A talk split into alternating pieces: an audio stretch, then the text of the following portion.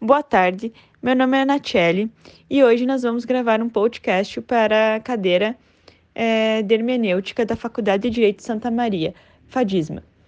Hoje vou, vou entrevistar a Etiele Matz, ela é advogada e ela também se formou na FADISMA.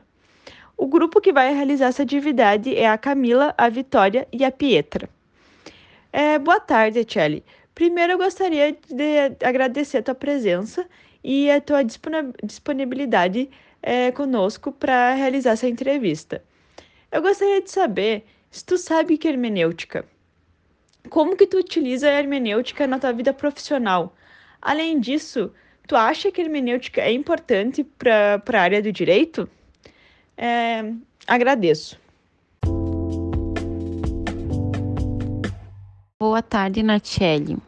Sim, a hermenêutica é a ciência que estuda a interpretação, a qual utiliza de diversos métodos interpretativos para se chegar ao alcance da norma. Ou seja, ela é essencial no ramo do direito, já que todos os agentes, tanto advogados quanto os julgadores, uh, nós sempre utilizamos diferentes métodos de interpretação, né, a depender do caso concreto. Assim, a hermenêutica está intrínseca na atividade judiciária diária pois estamos sempre utilizando as técnicas interpretativas para buscar efetividade na norma.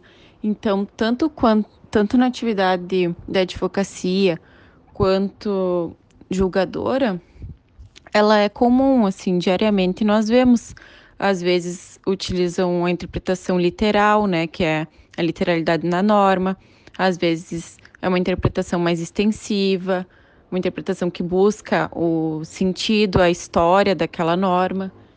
Então, isso é bem comum e nós vemos diariamente.